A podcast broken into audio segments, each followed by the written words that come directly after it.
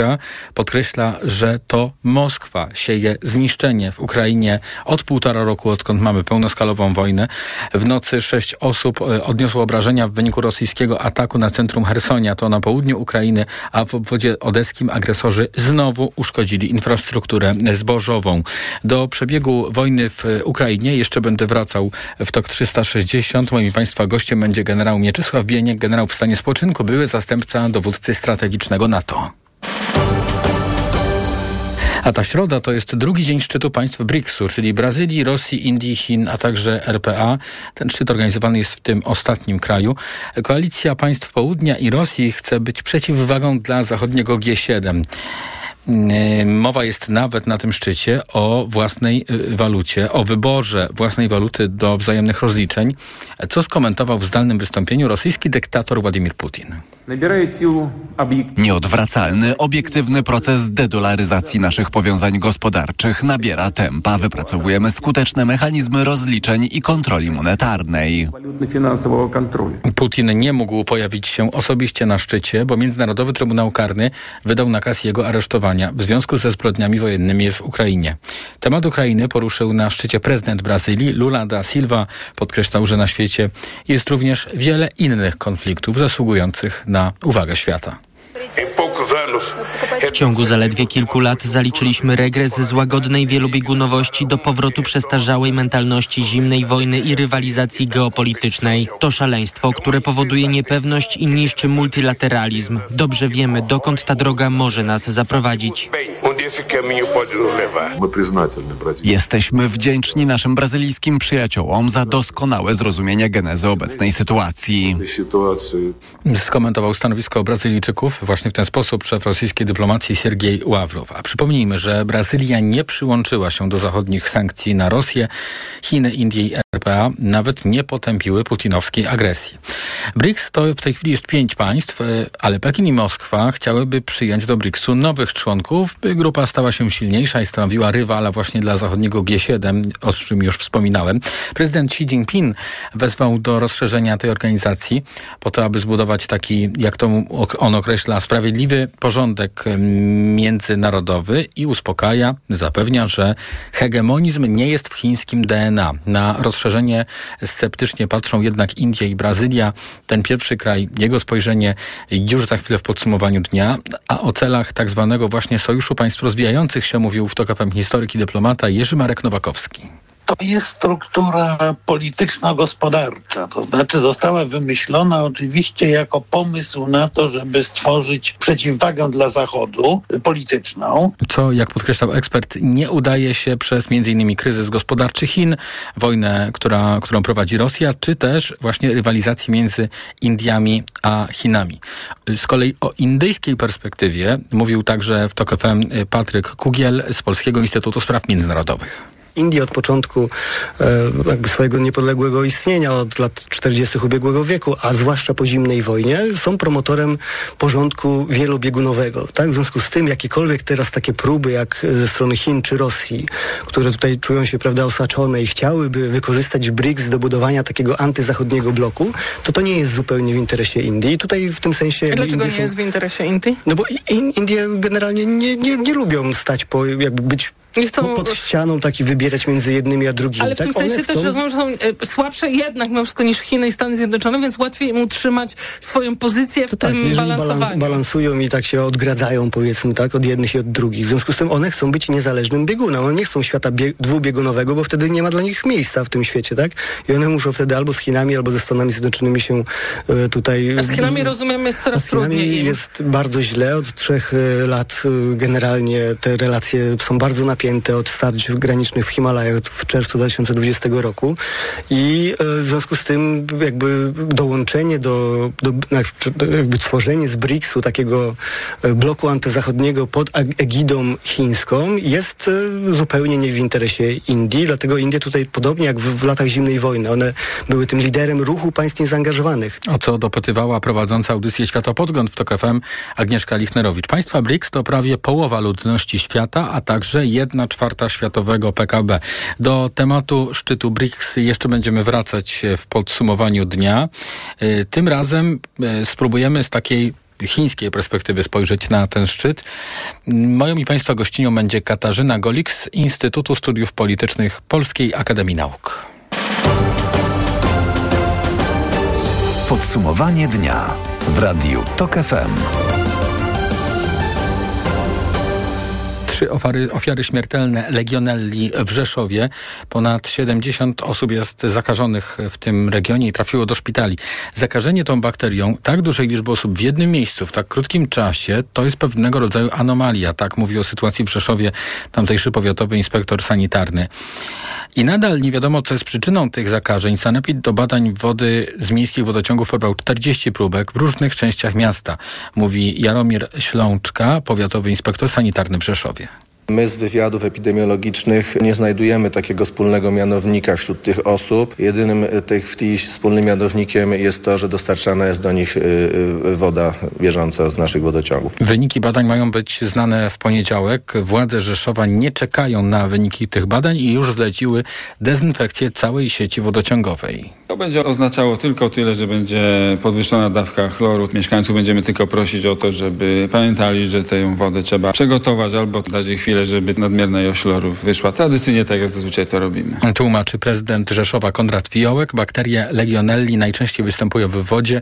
Objawy legionellozy często przypominają grypę czy też przeziębienie. Choroba może mieć też ciężką postać związaną z silnym zapaleniem płuc. I to jest temat, do którego także jeszcze będziemy wracać w podsumowaniu dnia. Moim Państwa gościem będzie Andrzej Sroka, rzecznik Uniwersyteckiego Szpitala Klinicznego w Rzeszowie, a także dr Marek Posobkiewicz, były główny inspektor sanitarny.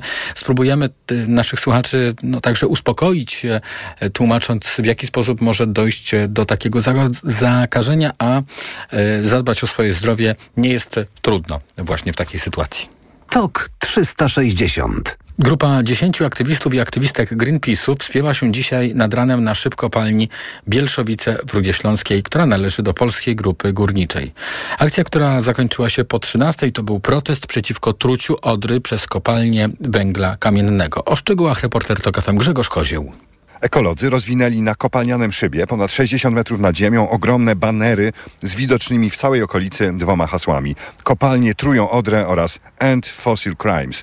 Jak wyjaśnia Marta Gregorczyk z Greenpeace'u, aktywiści domagają się ograniczenia zrzutów zasolonej wody przez kopalnie do Odry i jej dopływów. Apelują do premiera Morawieckiego i do podległych mu ministrów, żeby zaprzestano zasalania Odry, wylewania bardzo wysoko zasolonych ścieków z kopalni węgla kamiennego. To jest jedna z wielu kopalń na Śląsku, z której Każdego dnia trafiają ogromne ilości soli do Odry. To właśnie sól stworzyła warunki do życia złotym algom, które doprowadziły do masowej śmierci ryb w zeszłym roku.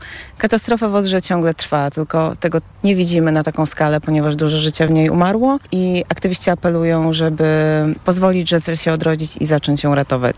Czy liczycie się z jakimiś konsekwencjami? Wszyscy wiedzą, że mogą być z tego konsekwencje, ale jednocześnie wszyscy wiemy, że aktywizm i właśnie to chronienie Odry to nie jest i nigdy nie będzie przestępstwo, bo robimy to dla dobra ogółu i robimy to też dla dobra Odry i dlatego, żeby ona mogła się w końcu odrodzić.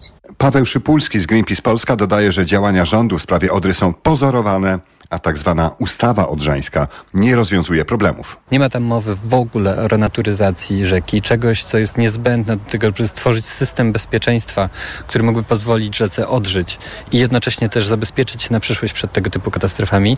Nie ma żadnych działań, które mogłyby spowodować, że kopalnie i inne zakłady przemysłowe przestaną zrzucać zanieczyszczone i bardzo ciepłe, co też jest bardzo poważnym problemem, ścieki do, e, do polskich rzek. Polska Grupa Górnicza, do której należy zakład, nazwała akcję ekologów nielegalną. Protest oznacza również straty dla spółki, ponieważ wstrzymano wydobycie, jak informuje Tomasz Głogowski, rzecznik PGG, aby wznowić pracę zakładu. Konieczny teraz będzie przegląd techniczny szybu. Do czasu protestu było to oczywiście niemożliwe, natomiast w momencie, kiedy ten protest się zakończył, będziemy mogli przystąpić do e, szacowania poniesionych strat. Zdaniem Polskiej Grupy Górniczej wody pompowane z kopalń odprowadzane są zgodnie z przepisami prawa. O czym informował reporter TOK FM Grzegorz Kozieł. TOK 360. Dostęp do danych pacjentów na temat przyjmowanych przez nich leków został już zablokowany przez resort zdrowia. Ta blokada obejmuje tych, którzy mogli korzystać z tych danych, czyli lekarzy i pielęgniarki. Decyzja zapadła po ujawnieniu przez media, że za pomocą strony internetowej gabinet.gov.pl po wpisaniu numeru PESEL każdy lekarz mógł uzyskać informacje na temat przepisywanych leków e, e, pani, panu, komukolwiek, e, kto w tej chwili nas słucha. Zablokowany został system, który pozwalał na sprawdzenie, jakie leki przyjmował pacjent, który wymaga nagłej pomocy, a historia jego leczenia jest nieznana. Mówi Wioletta Fejdler-Łopusiewicz z Porozumienia Zielonogórskiego. Lekarz żeby się dowiedzieć, jakie leki pacjent brał, w tym trybie ratowania życia, mógł wejść w, w historię podawania y, leków. Resort Zdrowia zadecydował jednak o czasowym zawieszeniu możliwości uzyskania przez lekarzy dostępu do danych w systemach gabinetowych na podstawie numeru PESEL. Brak tego trybu, tak, brak tej możliwości sprawdzenia utrudnia pracę a dostęp y, do tych danych został zawieszony do momentu uruchomienia y, przez Centrum E-Zdrowie funkcji w internetowym koncie pacjenta, która pozwoli na informowanie o przypadkach dostępu danych do pacjenta. Warszawska Baza, czyli lokal w samym centrum Warszawy, w którym pracują uchodźcy, walczy o przetrwanie. To jest miejsce tak zwanej ekonomii społecznej, które daje pracę właśnie migrantom, innymi z Afganistanu czy też e, z Iraku. Na razie skończyły się granty, stąd apel do wszystkich nas o wsparcie na zrzutce. W bazie była reporterka TOK FM Anna Gmiterek-Zabłocka. Samo centrum Warszawy, ulica Marszałkowska i baza, czyli miejsce pracy uchodźców, głównie z Afganistanu, choć nie tylko. Jest wśród nich Amsal, 22-latka, która uciekła z kraju tuż po przejęciu władzy przez talibów. Do Polski trafiła razem z bratem. Najpierw byli w ośrodku dla cudzoziemców w Dębaku, a dziś Amsal pracuje właśnie w bazie. Jak sama mówi, to dla niej prawdziwy dom. Spotkamy ją za barem, co ważne, wyłącznie bezalkoholowym, bo podaje się tutaj wyłącznie herbatę, kawy, koktajle czy lemoniady. Lots of the people they really love Baza because like um, the place that we have, the environment that we Jest bardzo dużo ludzi, którzy pokochali bazę, bo baza ma swój uh, klimat, atmosferę i nie jest taka jak inne podobne miejsca. Uh, Przychodzi tu wiele osób, cudzoziemców, którzy bardzo lubią to miejsce. Nawet tacy, którzy nie mieszkają w Warszawie, ale przyjeżdżają czasami specjalnie, żeby odwiedzić bazę, nawet z Krakowa, by poznać ludzi, którzy tu u nas pracują. Ludzi z Afganistanu, Iraku i innych krajów, ale też spróbować przygotowywanego przez nas jedzenia. Dasza z Białorusi też pracuje w bazie. Jak przekonuje, wszystkie posiłki powstają tutaj z miłością, a klienci regularnie wracają, głównie ze względu na wielokulturowość tego miejsca, a przede wszystkim wielokulturową kuchnię. Na przykład to omlet po irańsku z szpinakiem, z ilością po prostu zieleni, e, jajko, może być tofu, jeżeli to chodzi o wegańskie wersje i białe pieczywo, takie pita, które sami też robimy. A na obiad co najbardziej schodzi? Zupka barszczyk ukraiński, on jest u nas co dzień, mamy go co dzień i danie dnia też, ale danie dnia już mamy takie różne na co dzień. Takie kary afgańskie z zielonym groszkiem, ziemniakami, w pomidorowym sosie i z tym białym pieczywo też, które sami robimy. A jednocześnie to jest tak, że ta kuchnia jest taka właśnie wielokulturowa, bo macie tu pracowników z różnych krajów, na przykład skąd? Z Iranu, to nasz Nargis. Mamy pracowników, chłopaczków naszych z Afganistanu, ale gotują wszystko. I takie polskie jedzonko, i białoruskie jedzonko, i afgańskie jedzonko, i irańskie jedzonko. Wszystko. Najważniejsze. Ludzie wracają? Wracają wracają, bo mówię, że robimy wszystko z miłością. Do tej pory miejsce działało dzięki grantom, między innymi z ambasady Niemiec. W tej chwili wystąpiono o kolejny grant, ale ta procedura trwa, a trzeba na bieżąco płacić czynsz czy dawać pensję pracownikom. Stąd właśnie problemy i zrzutka, która jest prowadzona w internecie. Jak mówi Krzysztof Górniak, który jest tu menadżerem, to miejsce, które żyje na co dzień, ale jednocześnie nie zarabia.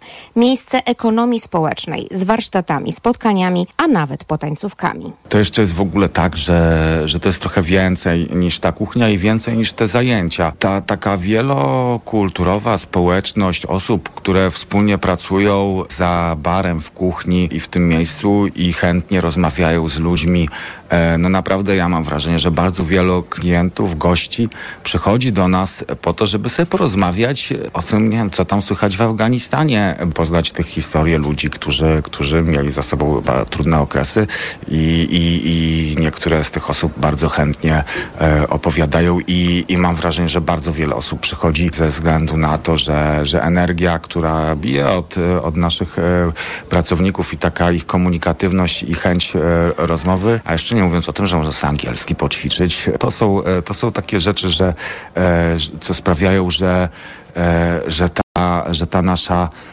ten nasz team wydaje mi się, że sam on ściąga naprawdę ludzi, bo wszyscy czują się tutaj trochę jak obywatele świata po prostu. Co ważne, baza w ciągu tego ostatniego roku stała się miejscem spotkań również młodzieży uchodźczej z Ukrainy.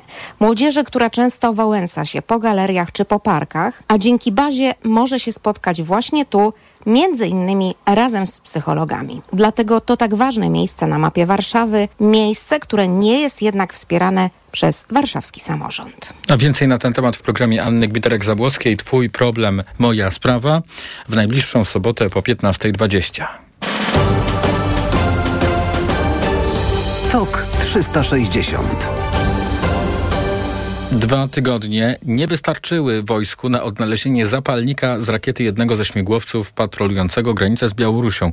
Dochodzenie w tej sprawie prowadzi Komisja Badania Wypadków Lotniczych. Po raz pierwszy głos w tej sprawie zabiera w tej chwili Ministerstwo Obrony Narodowej, choć proszę się nie spodziewać wyczerpującej odpowiedzi, no bo MON właśnie po ponad dwóch tygodniach odpowiedziało na pytanie reportera TOK FM Szymona Kępki w sprawie tego zaginionego y, elementu y, dwuzdaniowym komunikatem w którym twierdzi, że w jednostkach wprowadzono dodatkowe działania, które mają zapobiegać podobnym przypadkom w przyszłości, czyli zapobiegać zgubieniu zapalnika. No tylko nie wiadomo o jakie działania chodzi, nie wynika to z tego komunikatu, a całą sprawę komentuje profesor Bogusław Pacek, generał dywizji w stanie spoczynku, jednocześnie dyrektor Instytutu Bezpieczeństwa i Rozwoju Międzynarodowego. Rzeczywiście skoncentrować się na tym, po pierwsze na zbadaniu, jak to możliwe, że do tego jednak doszło, bo jest to element wkręcany, przykręcany, który nie powinien się zgubić. To, że zapalnika wciąż nie udało się odnaleźć, potwierdza dowództwo generalne rodzajów sił zbrojnych. Zapalnik to jest y, element pocisku na śmigłowcu, tak można powiedzieć, podczas e, patrolu granicznego przed dwoma tygodniami. Ten element prawdopodobnie spadł na teren Puszczy Białowieskiej. To podsumowanie dnia w Radiu Tok FM TOK 360. Za chwilę komentarze gości, a wcześniej o tym, e, jakie są przewidywania synoptyków na najbliższy czas. Pogoda. Wciąż będzie ciepło. Jutro 29 stopni we Wrocławiu i Krakowie, o stopień chłodniej w Warszawie i Łodzi, 27 stopni w Poznaniu i w Lublinie. A jeśli chodzi o Olsztyn, to tutaj już nieco chłodniej, 25 stopni. Trójmiasto z temperaturą do 24 stopni. A jeśli chodzi o dzisiejszą pogodę, to synoptycy zapowiadają y, chmury na północy y, i na y, południu Polski. I tam właśnie na południe może także przelotnie popadać. Radio TOK FM. Pierwsze radio informacyjne. TOK 360. W programie za chwilę wrócimy do sytuacji w Ukrainie i do sytuacji w Rosji także, bo tak jak mówi prezydent Wołodymyr Załański, to wojna się trochę przenosi na rosyjskie terytorium, co będzie komentował dla Państwa generał Mieczysław Bieniek, generał w stanie spoczynku, były zastępca dowódcy strategicznego NATO. Reklama. Gdzie tanie lato na bogato mam? W Kauflandzie. Od czwartku szynka wieprzowa bez kości z lady 14,99 za kilogram, 10 kg na osobę. A winogrona jasne kilogram tylko 6,89. Idę tam, gdzie wszystko mam. Kaufland. Kupiłam twoje kapsułki na wątrobę. A witaminę D też? Nie musiałam. To suplement diety Eselif D3. 300 mg fosfolipidów sojowych, 50 kapsułek i witamina D3. I kosztuje około 17 zł. Zawarty w Eselifie D3 wyciąg z ostryżu długiego wspomaga zachowanie zdrowej wątroby. Więcej na eselif.pl. Aflofarm. Jak sprawić, aby nowoczesne technologie służyły społeczeństwu, a cyfrowa przyszłość była przyjazna środowisku? Jak wspólnie możemy zadbać o planetę i jej mieszkańców? Porozmawiamy o tym w nowym cyklu przygotowanym z firmą T-Mobile. Słuchaj już w czwartek po godzinie 16 w TOK FM. Pani dietetyk, czy osoby starsze powinny nawadniać organizm tylko podczas upałów? U seniorów nawet ciepły dzień to duże ryzyko odwodnienia. Co w takim razie pani zaleca? Codzienne stosowanie elektrolitów Hydrooptima Senior. Suplement diety Hydrooptima Senior ma niską zawartość sodu i glukozy, co ma znaczenie dla osób z nadciśnieniem i podwyższonym poziomem cukru. Dodatkowo Hydrooptima Senior zawiera wyciąg z vitis vinifera wspomagający krążenie. Hydrooptima Senior? To skuteczne i bezpieczne nawodnienie organizmu osób starszych. Aflofarm. Ale proszę o uwagę. Przygotowania na powrót do szkoły z biedronkowymi oszczędnościami wciąż trwają. Tylko do środy. Przy zakupie z kartą Moja Biedronka czterech artykułów szkolnych, takich jak artykuły piśmienne, plastyczne, papiernicze, akcesoria szkolne, piórniki, plecaki i lampki szkolne. Najtańszy z nich dostaniesz gratis. Tak, wybrane artykuły szkolne do środy 3 plus 1 gratis. Limit dzienny 12 produktów, maksymalnie 3 gratis na kartę. I to jest świetny powód, by iść do Biedronki. Z promocji wyłączone są papier ksero, książki, lunchboxy i bidony. Szczegóły na biedronka.pl Znów mam infekcję intymną. Ja to mam pH. Tak, możesz mieć za wysokie pH pochwy, co sprzyja infekcjom. Zastosuj Iladian Direct Plus. Iladian Direct Plus przywraca i utrzymuje fizjologiczne pH pochwy, dzięki czemu zapobiega nawrotom infekcji. Iladian Direct Plus. Zapomnij o infekcjach intymnych. Pomocniczo w leczeniu oraz w profilaktyce bakteryjnego, grzybiczego lub mieszanego zapalenia pochwy. W łagodzeniu suchości i uczucia napięcia błony śluzowej pochwy. Aflofarm. To jest wyrób medyczny. Używaj go zgodnie z instrukcją używania lub etykietą. Reklama. TOK 360 Rosjanie twierdzą, że trzy osoby zginęły w ataku ukraińskiego drona na przygraniczny obwóz białgorodzki. To było w ciągu minionej nocy, ale nie tylko na terenach przygranicznych miało dochodzić do ataków, dlatego że w powstający budynek w centrum Moskwy uderzył także dron. Na temat tych ataków będę teraz rozmawiał z generałem Mieczysławem Bieńkiem, generałem w stanie spoczynku, byłym zastępcą dowódcy strategicznego NATO. Dzień dobry, witam w Radiu TOK FM. Dzień dobry panu, dzień dobry państwu. Panie generale, mamy w tej chwili serię ataków na Rosję. Zresztą prezydent Wołodymyr Załański mówił, że wojna się przeniesie na terytorium Rosji. Co to oznacza dla tej wojny? No to oznacza bardzo dużo. oznacza to przede wszystkim to, że Ukraina pokazuje, że może dosięgnąć cele w, głęb, w głębi Federacji Rosyjskiej bez używania pocisków rakietowych produkcji zachodniej, bo to było zastrzeżenie, aby nie używać tej broni. Jeśli Zachód takie zastrzeżenie dał, szczególnie Amerykanie, aby nie używać jej, rażąc cele w głębi Federacji Rosyjskiej. Pokazuje to to, że Ukraińcy mają swoje możliwości i również pokazuje to, że strzelają albo używają tych dronów, wystrzeliwując je i nakierowując na cele, będą na terenie Federacji Rosyjskiej.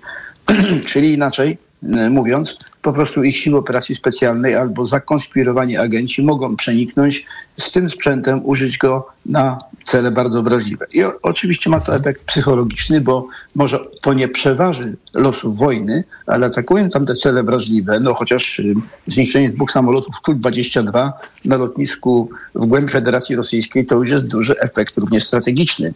Czy, czy zniszczenie y, baterii S-400 Tyłą na terenie Krymu. Także to jest efekt psychologiczny, militarny i pokazujący to, że Ukraina ma dużą determinację i mówi tak społeczeństwu. Wy nas atakujecie, atakujecie Kijów, atakujecie Iwano-Frankowskie, Lwów, Charków, bombardujecie nam szkoły, szpitale, przedszkola, zabijacie cywili. To kto nam odbiera takie prawo, abyśmy mogli w ramach odwetu użyć tego samego działania? To nie jest atak terrorystyczny, to jest od, odwet za to, co mhm co Rosja stosuje w swojej taktyce terroru A od półtora roku. Proszę powiedzieć, w jakim kierunku ta sytuacja może się rozwinąć? Bo tak pan sam powiedział, o, oni nie mogą użyć do tych ataków y, jakiegoś poważniejszego uzbrojenia, które dostają od Zachodu, więc są to ta, takie drony, które mogą do tego wykorzystać. Ym, czy to będą takie właśnie y, o niewielkiej skali ataki kolejne, powtarzające się często, czy, czy jak to może wyglądać dalej?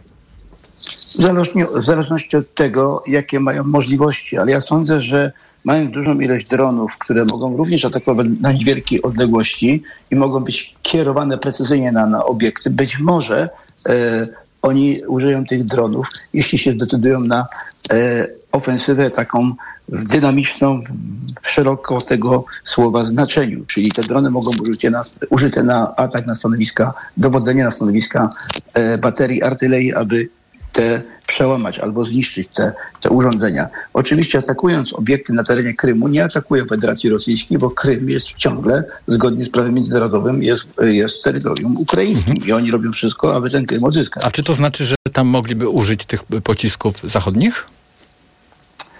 Wydaje się, że tak, bo to jest y, w zależności od tego, czy, jaki efekt operacyjny chcą uzyskać. Widzimy, że już dwukrotnie zaatakowano Morz Kerczeński bardzo z, z, dużym efektem. Nie były to oczywiście rakiety zachodnie. Widzimy, że... To był z kolei morski wykon... dron chyba, taki Ukraina się chwali zresztą, że to jest ich dzieło. Tak, właśnie. Motorówka wypełniona, y, która nawiguje za pomocą GPS-ów y, czy innych systemów, które kierują na, bardzo precyzyjnie na obiekty, ale nie tylko to, ale również w porcie w Sewastopolu wykonano atak y, tym dronem morskim.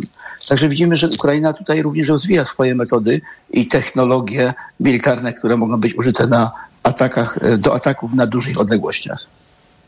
Brytyjski resort obrony podaje, że uszkodzenie Mm, tych właśnie tego krymskiego mostu powoduje, że wojska rosyjskie nadal muszą korzystać z mostów pontonowych albo długiego objazdu, co komplikuje dostawy. Y, chciałem w związku z tym zapytać pana, jak pan ocenia teraz możliwości tych rosyjskich wojsk na południu Ukrainy? Czy faktycznie od, odczuwają osłabienie? Odczuwałem na pewno, bo linia zaopatrzenia się wydłużyła. E, pamiętajmy o tym, że zostaje jeszcze Morze Azowskie. E, to jest też ta długa droga. No i ten, ta jedna nitka kolejowa, która jest na tym moście krymskim. Dlatego też natarcie, czy kierunek natarcia y, głównego, wydaje się przez Ukraińców został wybrany ten południowy na Melitopol, aby przerwać połączenie lądowe na Krym biorąc pod uwagę zniszczenie mostu kerczeńskiego, jeśli to nastąpi w pełni, plus odcięcie ich od drogi lądowej, yy, odetnie garnizon krymski od zaopatrzenia drogą lądową. Zostanie tylko droga morska, która może być też bardzo łatwo kontrolowana przez ukraińskie uderzenia. Yy, I to jest chyba jeden z celów operacyjnych tego działania w przyszłości, bo jeśli chodzi o tą ofensywę, którą którzy się spodziewali, że będzie bardzo dynamiczna, spektakularna. Nie, nic takiego. Ja mówiłem na początku, że to będzie bardzo mozolne, krwawe wgryzanie się, przełamywanie pierwszej i drugiej linii obrony, tych olbrzymiej ilości pól minowych, zapór, różnego rodzaju przeszkód. Ale jeśli to nastąpi, Ukraina wciąż ma odwody, które może wprowadzić w zdecydowanym kierunku uderzenia przy wsparciu wszystkich systemów artyleryjskich, które mają i ewentualnie ograniczonego lotnictwa, aby jednak dokonać tego przełamania. Jeszcze głęboko wierzę, że taka ofensywa taka z głównym uderzeniem, z dużym nasaceniem sił środków nastąpi. Rosyjski niezależny kanon na Telegramie Możem Objaśnić e, informuje, że są liczne doniesienia mówiące o wrześniowej kolejnej fali mobilizacji na wojnę z Ukrainą w Rosji, a jednocześnie dzisiaj także pojawiła się taka odpowiedź ze strony prezydenta Ukrainy, który mówi, który mówi że wojskowi chcą, by zwiększyć mobilizację na front. Jak pan to y, odczytuje? No bo wskazuje to na mobilizację z obu stron. E, no tak, zasoby ludzkie, które są już w tej chwili używane, nie są niewyczerpywalne. Pamiętajmy o tym, że Rosjanie nie rotują zbyt często swoich wojsk. Te wojska, które tkwią w pozycjach obronnych, wgryzły się w ziemię, prawda? Są już tam od kilkunastu miesięcy. E, rotacja ich następuje w bardzo ograniczonym zakresie. To wszystko ma wpływ na ich morale, na ich e, i tak nadszarpnięte albo w ogóle bardzo słabe morale, a przy tym ciągłym ogniu artylerii, bo pamiętajmy, że to wgryzanie się w, tą, w tym, te punkty oporu to jest ostrzał artyleryjski, nieraz bardzo precyzyjny, e, pociskami e, dalekiego zasięgu, to powoduje również zabijanie wielkiej ilości cywili, wielkiej ilości żołnierzy, którzy tam się bronią. Z kolei Ukraina też ponosi duże straty, dlatego też ta ofensywa, czy te, te, te, te uderzenie nie jest aż tak dynamiczne, oni się wgryzają po prostu, też nie szafując swoimi siłami. Natomiast jeśli chodzi o, o Ukrainę, to E, Ukraina rozpoczynała e, tą wojnę, albo inaczej obronę e, z siłami około 230 tysięcy. Dzisiaj mają około 750 tysięcy, włącznie z, obron z, z obroną terytorialną i zmobilizowanymi oddziałami paramilitarnymi. Więc cały czas mobilizacja polega na tym, że uzupełnione siły i wyszkolone w miarę, w miarę możliwości są przesuwane do linii frontu i są częściowo rotowane. Ale pamiętajmy, że aby wyszkolić, to trzeba również instruktorów, którzy to mogą robić. To, co są ci instruktorzy, to są sierżanci, oficerowie. O ile Ukraina jeszcze może korzystać z pomocy zachodnich instruktorów, bo przecież duże ilości tychże związków e, taktycznych, batalionów czy kompanii szkoliło się na Zachodzie, między innymi też w Polsce, na różnych poligonach przy użyciu instruktorów tej zachodnich, o tyle Rosjanie tych instruktorów mają coraz mniej. Oni są zaangażowani na froncie, a nie w ośrodkach szkoleniowych. Czyli tutaj widzimy też pewien pewną trudność. Ale oprócz tych instruktorów, którzy szkolą tego żołnierza, operatora, prawda, drużynę, potrzebne są, potrzebni są wyszkoleni oficerowie sztabowi, którzy będą planowali działania na froncie, bataliony, brygady, prawda, czy wyższe sztaby. To też jest jeden z mhm. problemów, który, który w czasie wojny długotrwałej, a taka już ona jest, wychodzi, prawda? Bardzo dziękuję za ten komentarz. Generał Mieczysław Bieniek, generał w stanie spoczynku, były zastępca dowódcy strategicznego NATO, był razem z nami. A za chwilę połączymy się z Rzeszowem i z Andrzejem Sroką, rzecznikiem Uniwersyteckiego Szpitala Klinicznego w Rzeszowie, a to w związku ze sporą liczbą zakażeń legionellą. Reklama. Wiadomość z ostatniej chwili. W salonach Toyoty ruszyła właśnie sezonowa wyprzedaż. Nowe auta dostaniesz na niej w niesamowitej ofercie. Na przykład legendarnie niezawodną, rodzinną i przestronną Toyotę Corolla Sedan możesz mieć z korzyścią nawet do 14 tysięcy złotych. A do tego uwaga, niemalże od ręki. Musisz się jednak spieszyć, bo wyprzedaż może się niedługo skończyć.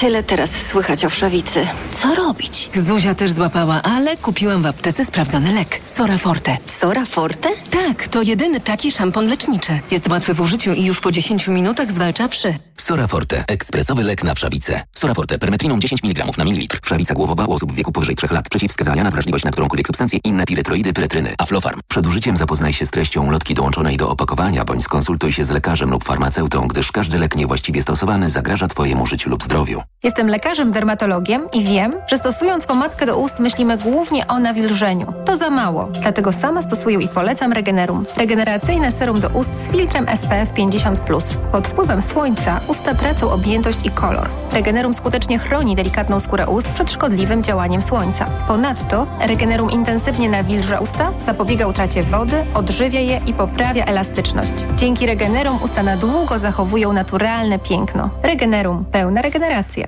Do pełna? Z korzyściami i bez limitu liczby tankowań. Przez całe wakacje 5 dni w tygodniu na stacjach Shell Klubowiczo Shell Club Smart płacą 30 groszy mniej za litr paliw premium Shell V-Power. Zyskuj więcej z Shell Club Smart. Szczegóły na shell.pl.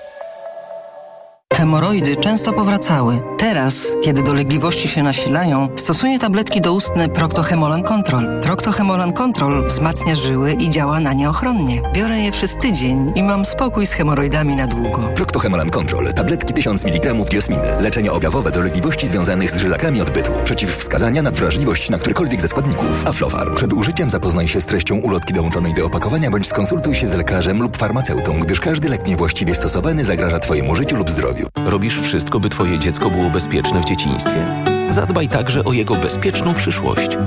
Zaszczep je przeciwko HPV i pomóż uniknąć onkologicznych konsekwencji zakażenia.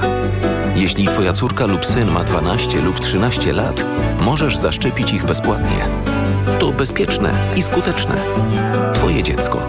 Bezpieczne teraz, bezpieczne w przyszłości. Dowiedz się więcej. Wejdź na planujedługieżycie.pl. Kampania Ministerstwa Zdrowia.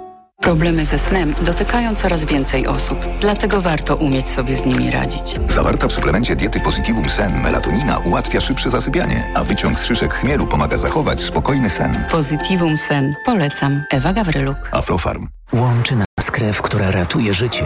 Bo dla mnie to chwila. Dla kogoś całe życie. Bo tętni w nas dobro. Jest wiele powodów, by oddawać krew. Zgłoś się do najbliższego centrum krwiodawstwa, oddaj krew i uratuj czyjeś życie. Sprawdź na twojakrew.pl. Dlaczego zmieniłam tabletki na wątrobę i stosuję Proliver Cardio? Bo poprzednie tylko chroniły wątrobę, a Proliver Cardio również stymuluje pracę układu pokarmowego. Proliver nie tylko wspomaga wątrobę, ale również wspiera odtruwanie. I dodatkowo Proliver Cardio wspiera zdrowe serce. Suplement diety Proliver Cardio. Zdrowie wątroby i serca. Dostępny również Proliver plus Magnes. Aflofarm. Wyciąg z liści karczocha wspiera funkcjonowanie przewodu pokarmowego, wątroby, wydzielanie soków trawiennych oraz detoksykację organizmu. Wyciąg z ostryżu długiego wspiera funkcjonowanie serca. Po cenie? Weź Perspiblock i nie martw się potem. Składniki tabletek Perspiblock wspierają od wewnątrz. Szałwia lekarska przyczynia się do utrzymywania prawidłowego procesu pocenia. Moim zdaniem suplement diety Perspiblock jest bardzo skuteczny. Aflofarm. Reklama. TOK 360 Zmarło troje pacjentów zakażonych bakterią Legionella pneumofila. To kobieta w wieku około 80 lat i dwóch mężczyzn e, w wieku około 70 lat. E, około 70 osób e, w okolicach Rzeszowa, właśnie w tym podkarpackim regionie, w tej chwili jest hospitalizowanych. Łączymy się w tej sprawie z rzecznikiem Uniwersyteckiego Szpitala Klinicznego Andrzejem Sroką. Dzień dobry, witam Radio Tok FM. Dzień dobry, witam serdecznie, witam pana, witam słuchaczy. Tylko część pacjentów, o, o których mówię, znajduje się właśnie w tej placówce, którą pan e, reprezentuje. Proszę powiedzieć, jakich jest ich stan? E, tak, oczywiście ja tylko mogę mówić o pacjentach, którzy znajdują się w tym momencie w Uniwersyteckim Szpitalu Klinicznym. Fryderyka Chopina w Rzeszowie e, i w Podkarpackim Centrum Chorób Płuc. W sumie mamy 17 pacjentów, 10 z nich przebywa na ulicy Chopina i 7 pacjentów w Podkarpackim Centrum Chorób Płuc.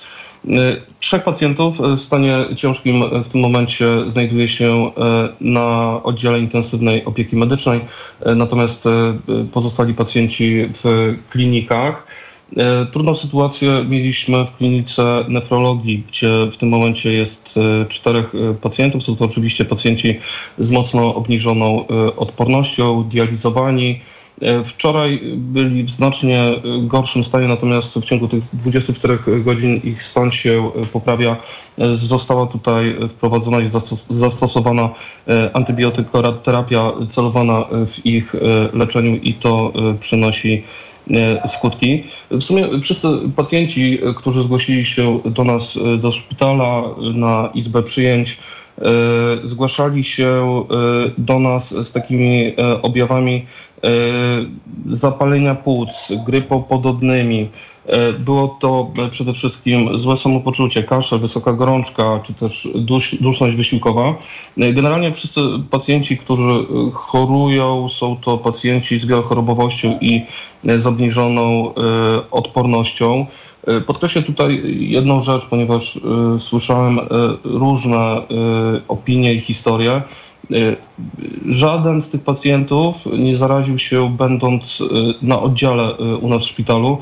Wszyscy ci pacjenci, którzy są w tym momencie, rzeczywiście tutaj trafili już chorzy. Mhm.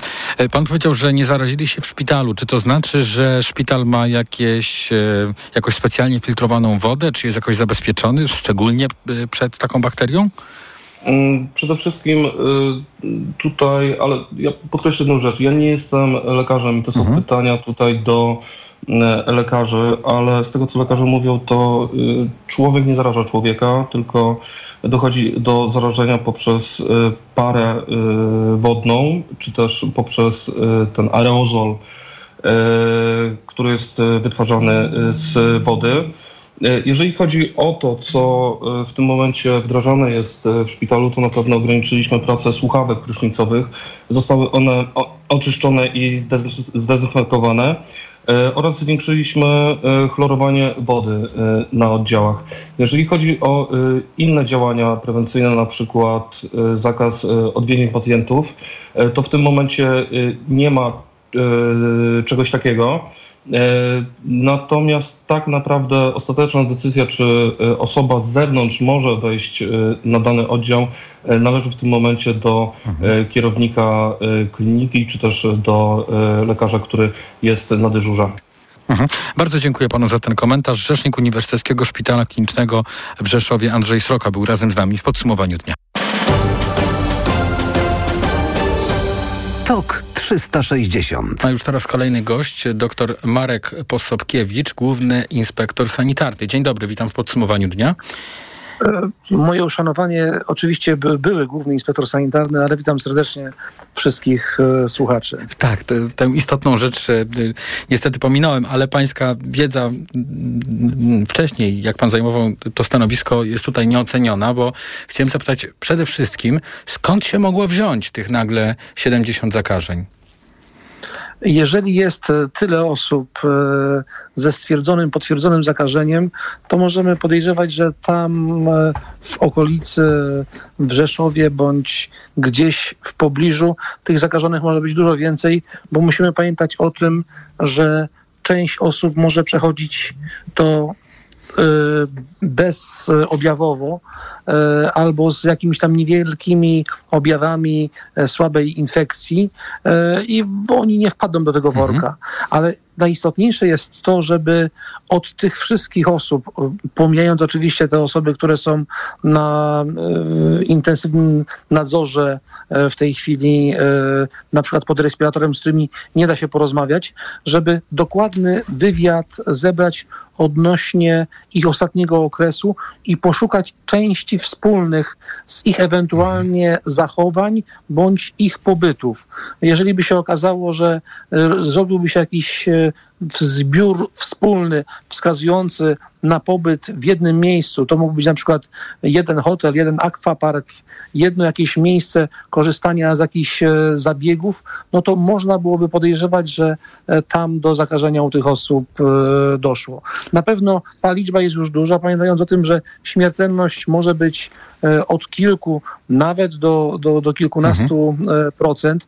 Na szczęście chorobę to możemy skutecznie antybiotykami leczyć. No właśnie, chciałem zapytać ten... mhm, o, te, o, to, o to zakażenie legionellą, bo ta, tak to się nazywa i wielu z nas chyba w ogóle po raz pierwszy e, o tym słyszy. Mówimy tutaj o jednym regionie, czyli o okolicach Rzeszowa, o samym e, Rzeszowie. Jakby pan mógł pokrótce powiedzieć, z czym tutaj w ogóle mamy do czynienia i na ile to jest niebezpieczne, a może inaczej powinienem pana zapytać, bo chodzi też o uspokojenie ludzi. Jak możemy się e, uchronić przed takim zakażeniem? Zacznijmy od tego, że e, ta bakteria występuje e, wszędzie na świecie, lubi środowisko tam, gdzie jest dużo wilgoci bądź wody i gdzie jest e, podniesione stężenie dwutlenku węgla. Tam bardzo łatwo się namnaża. Lubi wodę taką ciepłą. Dlatego tu jest najważniejszy jest szereg E, prewencyjnych działań w tych miejscach, gdzie może dochodzić do namnożenia Tam, gdzie, przepraszam, tam, gdzie się Pamiętam... woda może nagrzać, e, na przykład, bo jest upalnie, czyli nie jest to zimna woda z kranu, ani gorąca z kranu. I, i, I tam, gdzie są tak zwane martwe odnogi. Czyli wyobraźmy sobie jeden wielki e, hotel, w którym mamy dużo e, klientów, ale mamy dużo pokoi, gdzie są cały czas goście, a gdzieś tam na końcu, bądź oddalony, może być na przykład najdroższy apartament, z którego ktoś korzysta bardzo rzadko. I jeżeli tam oprócz przetarcia kurzy nie będzie regularnie e, spuszczana woda z tych dystalnych e, miejsc, to tam są, e, jest możliwość dla namnożenia się dla tych bakterii. Jeżeli, bo każdy hotel ma obowiązek przeprowadzać badania wody w kierunku obecności bakterii Legionella w, raz w roku w akredytowanym laboratorium. Szpitale e, takie badania muszą przeprowadzać e, dwa razy w roku. I nawet jeżeli dojdzie do stwierdzenia takich bakterii, to jeżeli się dobre działania prewencyjne od razu rozpocznie, wtedy trzeba w systemie podgrzać wodę do powyżej 70, najlepiej między 70 a 80 e, stopni. Odkręcenie, to co też wspominał mój przedmówca ze szpitala, tych słuchawek prysznicowych, wszelkich końcówek i zdezynfekowanie ich w chlorowanej wodzie, tak, bo e, te bakterie na szczęście chloru nie lubią e, i w, ten sposób wyginą i prze, przepuszczenie wody, spuszczenie z tych dystalnych części, e, powtórzenie badań z reguły daje mhm. już dobry wynik. Mhm. Tutaj nie ma miejsca na oszczędzanie, bo oszczędzanie może bić w czyjeś zdrowie i życie. I następna sprawa są też mogą być wady konstrukcyjne. Jeżeli ktoś źle zaprojektuje sieć, także będzie rura zimnej wody zbyt blisko e, wody gorącej i w tej e, zimnej rurze będzie się woda mhm. podgrzewać, może sprzyjać namnażaniu. Jeżeli rura od ciepłej wody nie będzie dobrze izolowana termicznie, czyli ta woda będzie obniżać się temperatura, też będzie to sprzyjać. Panie doktorze, tak, mhm. dla kogoś, kto mieszka w Rzeszowie, już musimy kończyć, więc to jakby taka krótka rada. Korzystanie z przygotowanej wody, zdezynfekowanie końcówki prysznicowej i już powinniśmy być spokojni, tak? tym, że nie musimy tego robić we własnych domach, jeżeli gdzieś we własnych domach my cały czas korzystamy z tej sieci wodociągowej, to nie jest tak istotne dezintegrowanie tej mhm. końcówki prysznicowej, ale jeżeli tą końcówkę mamy E, starą, zakamienioną, e, z tymi to warto to e, zrobić. upośledzonym odpływem, to warto tą po prostu tą słuchawkę wymienić, tak żeby I nie panikować. normalny, płynny odpływ. Do paniki nie ma powodu, ale jest powód, żeby przeprowadzić dokładne dochodzenie mhm. epidemiologiczne. Ale to już po stronie władz. Mhm. Bardzo dziękuję. Doktor Marek Posobkiewicz, były główny inspektor sanitarny, był razem z nami. A za chwilę będzie o kwestiach międzynarodowych, a mianowicie o szczycie BRICS, o którym już wspominałem. Teraz e, tym razem będziemy mówili o perspektywie chińskiej, no bo wczoraj mieliśmy w TOK 360 tę rosyjską, pora na Chiny. Doktor Katarzyna Golik za chwilę razem z nami.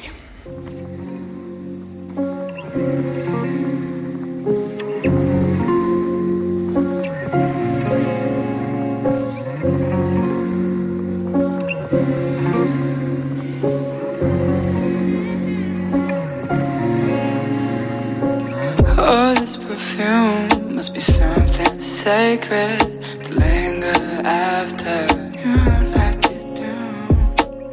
This has been buried where I rest my head.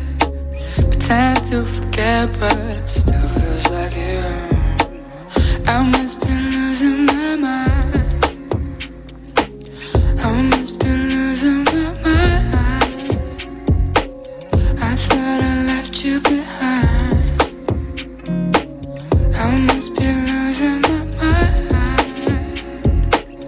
Sleep much longer than I did before. Though haunted our dreams evermore. Bless these angels hanging over my head. Still as a tomb, though I'm scared instead. Because I must be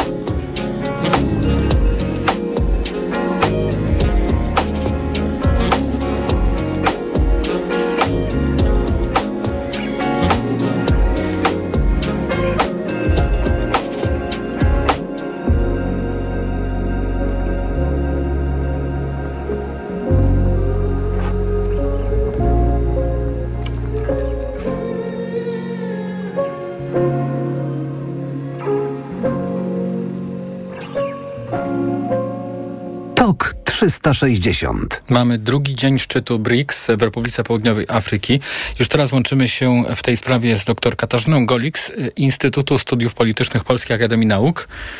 Kłaniam się, witam w podsumowaniu dnia. E, BRICS to jest grupa pięciu krajów, krajów południa plus e, Rosja, tych dużych krajów, e, które spotykają się no już po raz 15 na właśnie tego rodzaju szczycie. Porozmawiamy o tym, jakie tutaj interesy rozgrywają Chiny, które są wśród tych państw wzywających do rozszerzenia BRICS. Na przykład Brazylia na to patrzy sceptycznie, Chiny bardzo tego chcą. Dlaczego tego chcą? No, dla Chin jest to platforma budowania mm, w jakimś sensie nie chcę powiedzieć, że alternatywnego systemu gospodarczego, ale pewnego uniezależnienia się od systemu finansowego i od systemu gospodarczego, który ich zdaniem został skonstruowany przez państwa zachodnie, przez państwa tzw. Tak globalnej północy. A Chiny poświęciły ostatnie cztery dekady nie tylko e, budowy, budowie swojej gospodarki, ale także promowaniu swojej pozycji wśród krajów rozwijających się, stały się samozwańczym liderem e, dla krajów e, właśnie globalnego południa. Niekoniecznie to jest bezwzględnie akceptowane oczywiście, mhm. ale y, trzeba przyznać, że osiągnęły obiektywnie sukces ekonomiczny, ale też sukces wizerunkowy właśnie wśród państw, które y, no, szukają też alternatywy po traumie pewnej kolonializmu i także y, zniechęcone powiedzmy dotychczasowymi porażkami rozwojowymi. Mhm. A proszę powiedzieć, czym tutaj się różni podejście Chin, które też y, chciałyby jak najlepszych relacji z państwami afrykańskimi y, od podejścia Rosji, która to Rosja kibicuje y, tym grupom, które przejmują władzę w sposób nielegalny, jak to widzieliśmy ostatnio w Nigrze. Czy, czy, czy Chińczycy patrzą na to jakoś inaczej? To znaczy, tu jest wiele zbieżności, ale powiedzmy sobie szczerze, że nie to jakby mm, odnośnie przychylności y, wobec puczystów, to również na przykład Francja, y, jeżeli, to, jeżeli jest to wygodnie, to akceptuje takie pucze, no ale akurat w przypadku Nigru jest to dla niej bardzo niekorzystne gospodarczo, bo jest uzależniona od dostaw paliwa do elektrowni jądrowych, więc y, dlatego na to patrzy bardzo nieprzychylnie. Więc tutaj, ale tutaj jest duża zbieżność, zbieżność narracji. Pamiętajmy, że w czasach Związku Radzieckiego no, bardzo mocno była, była promowana ta, też współpraca z krajami rozwijającymi się i Rosja do dzisiaj ma bardzo dobry PR ta, w wielu krajach i te narracje, jej narracje są przyjmowane, e, szczególnie właśnie w kontekście podwójnych standardów Zachodu, więc tutaj nie trzeba wymyślać żadnej propagandy, bo rzeczywiście kraje rozwijające się widzą, że w wielu wypadkach no, nie są dobrze traktowane przez kraje globalnej północy.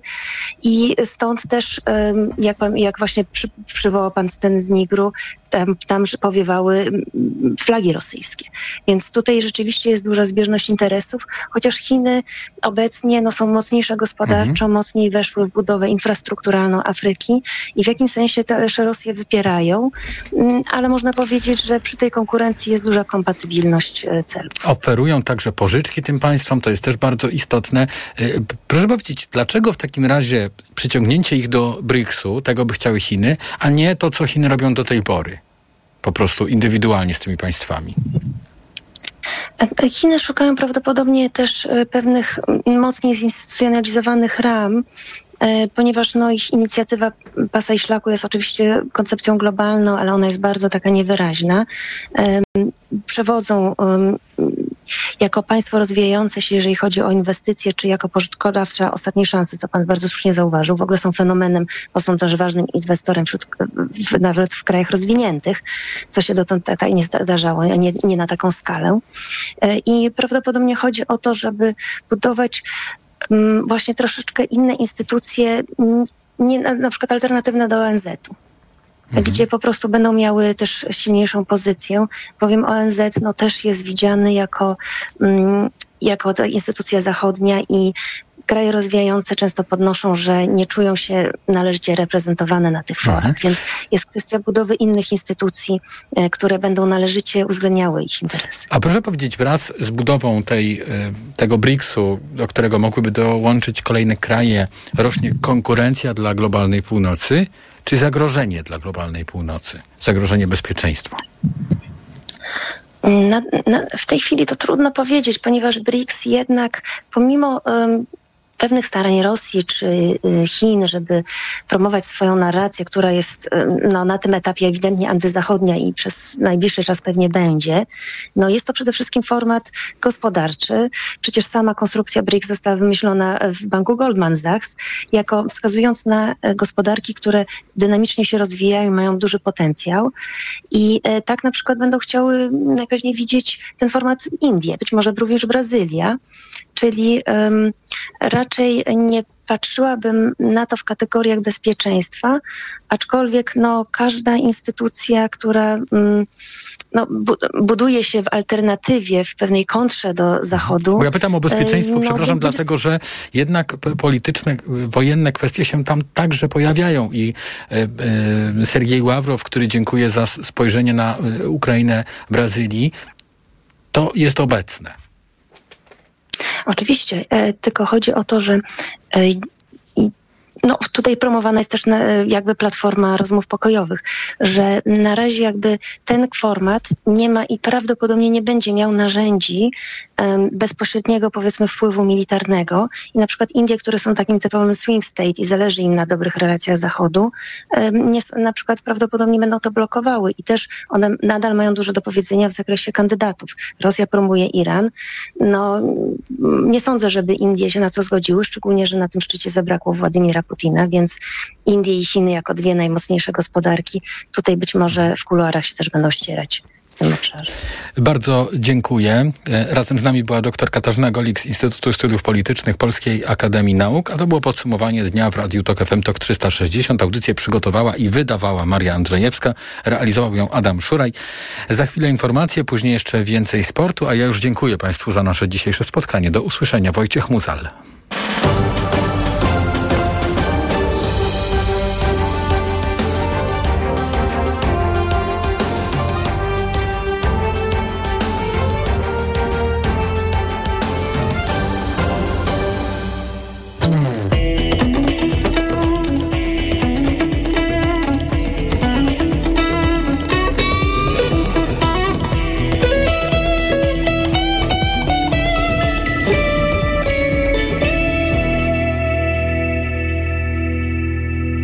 Reklama.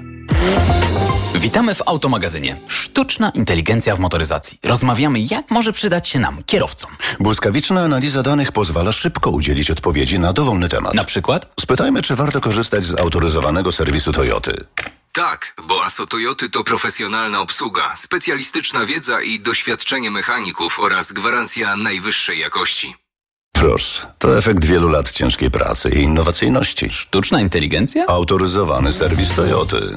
Cześć! Teraz nie mogę rozmawiać, bo smacznie śpię. Wieczorem biorę suplement diety Valerin Sen. Tabletki ułatwiają mi zasypianie i wspomagają spokojny sen bez wybudzeń przez całą noc. Wyciąg z ziela melisy wspomaga odprężenie. Wyciąg z szyszek chmielu wspiera utrzymanie zdrowego snu. Valerin Sen. Zdrowa dawka snu. Aflofarm. W nowej polityce. Po co władzy referendum? Lista Tuska, skarbówka tropi e-handel, kobiety odchodzą z kościoła, a także grzyby wyborcze, konkubenci biją, na pomidorowo, spalone Hawaje. Polityka w kioskach i na polityka.pl Oła! Nagły ból w jamie ustnej podczas jedzenia? To najczęściej afty lub drobne urazy. Sięgnij po sprawdzone rozwiązanie. Dezaftan. Po pierwsze, Dezaftan wspomaga leczenie dolegliwości, szybko niwelując ból. Po drugie, zabezpiecza aftę przed podrażnieniami. To dzięki podwójnemu działaniu. Dezaftan jest tak skuteczny,